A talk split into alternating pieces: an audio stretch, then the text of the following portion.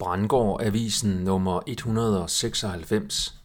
Plandemic og David Martin afsløret som dyb propaganda. Mange coronasandhedssøgere er faldet for det dybere lag af propaganda i Plandemic-filmen med David Martin i hovedrollen. Plus coronaevaluering i Skotland. Ny censurlov træder i kraft den 25. august. Mit navn er Per Brandgaard, og det er den 11. august 2023. Under ledelse af sundhedsrådgiver og epidemiolog Dr. Ashley Croft har en evalueringskommission i Skotland nu udgivet ganske hård kritik af coronahåndteringen, beretter Steigan. Rapporten konkluderer, at der ikke var og stadigvæk ikke er evidens for brug af nedlukninger, mundbind og social afstand – Croft har også udtalt, at det fortsat er uklart, om brugen af vaccinerne har resulteret i færre covid-19-dødsfald. Den i alternative medier og konspirationskredse meget brugte ekspert Dr. David Martin har ifølge The Exposé nu til synlædende ændret mening om det nye coronavirus. Dr. Martin blev kendt for sin rolle i filmen Plandemic, og for sit samarbejde med advokat Reiner Fulmich. Plandemic-filmen, som jeg betragter som propaganda i kategorien begrænset afsløring, limited hangout, formidler via Dr. Martin et centralt budskab om, at det nye coronavirus er et designet biovåben udviklet i et laboratorium. Det propagandamæssige formål har formentlig været at få folk, der ikke tror på den officielle historie om, at det nye coronavirus sprang spontant fra en flagermus til et menneske på et marked i Wuhan, til en alternativ historie om, at det nye coronavirus blev udviklet og sluppet ud af et laboratorie i Wuhan. På den måde fastholdes grundfortællingen om, at det nye coronavirus er farligt, uanset om man tror på den officielle eller den alternative historie.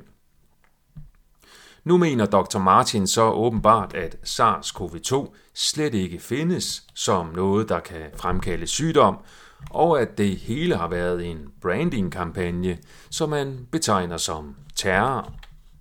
Han springer dermed over i den kategori, som blandt andet den kontroversielle danske læge og coronakritiker Søren Ventegodt også befinder sig i, som er opfattelsen, at virus slet ikke kan fremkalde sygdom, eller at virus slet ikke findes. Det er noget at springe i opfattelse fra SARS-CoV-2 som farligt biovåben til SARS-CoV-2 som noget, der ikke findes – Dr. Martin har gennemført, og det er ikke ligefrem noget, der understøtter hans troværdighed. David Martin mener nu også, at det blot er et særligt sæt af symptomer, som det nye coronavirus er blevet hæftet på via propaganda. Vi kan hurtigt blive enige om, at det er propaganda, men da der netop ikke er nogen klinisk defineret karakteristika ved covid-19, så tager Dr. Martin fundamentalt fejl i den vurdering. Reiner Fulmich var den advokat, der blev meget populær i coronakritiske kredse verden over. Han fik indsamlet store pengebeløb, der skulle bruges til at sagsøge de ansvarlige. Så vidt jeg ved, kom der aldrig mere ud af det end en pseudoretssag, en offentlig høring over internettet, som mange gik meget op i, men som retsligt er fuldstændigt ligegyldigt spil for galleriet. Det er således oplagt at placere Fulmich i propagandakategorien falske håb, der handler om at lade folk tro, at der er nogle andre, der gør noget, så man behøver ikke selv foretage sig yderligere ved sagen.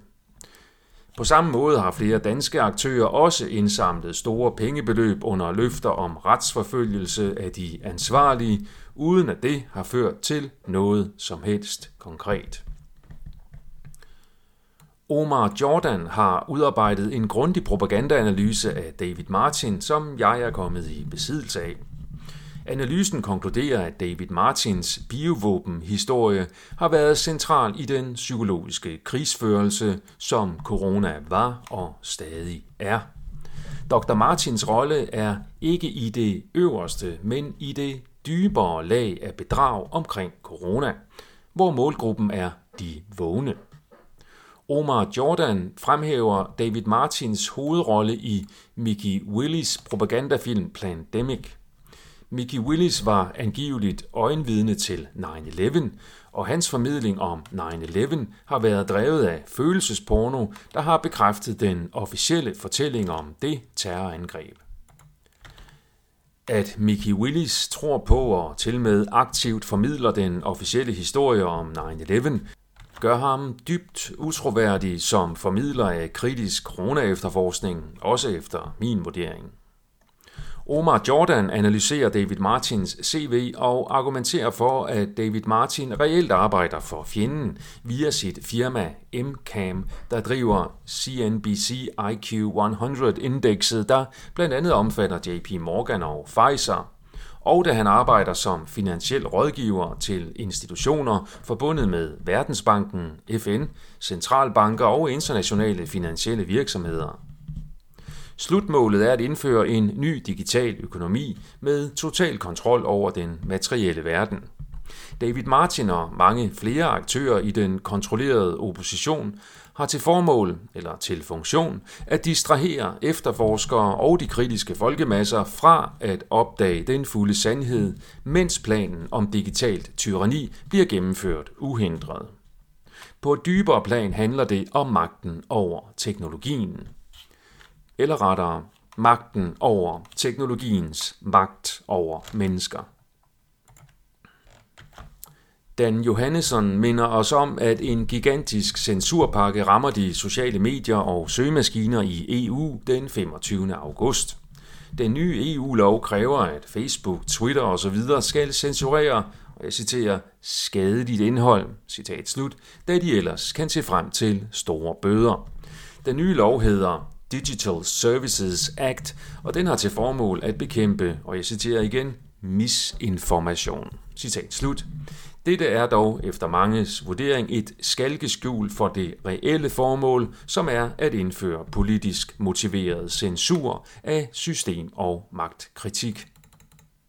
Loven omfatter, hvad EU definerer som Very Large Online Platforms – det inkluderer blandt andet Facebook, Instagram, LinkedIn, Snapchat, TikTok, Twitter, Wikipedia og YouTube.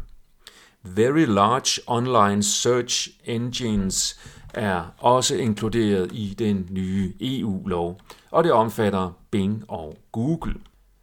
Så slut prut med ytringsfriheden og den frie informationssøgning via de store kanaler fra om 14 dage.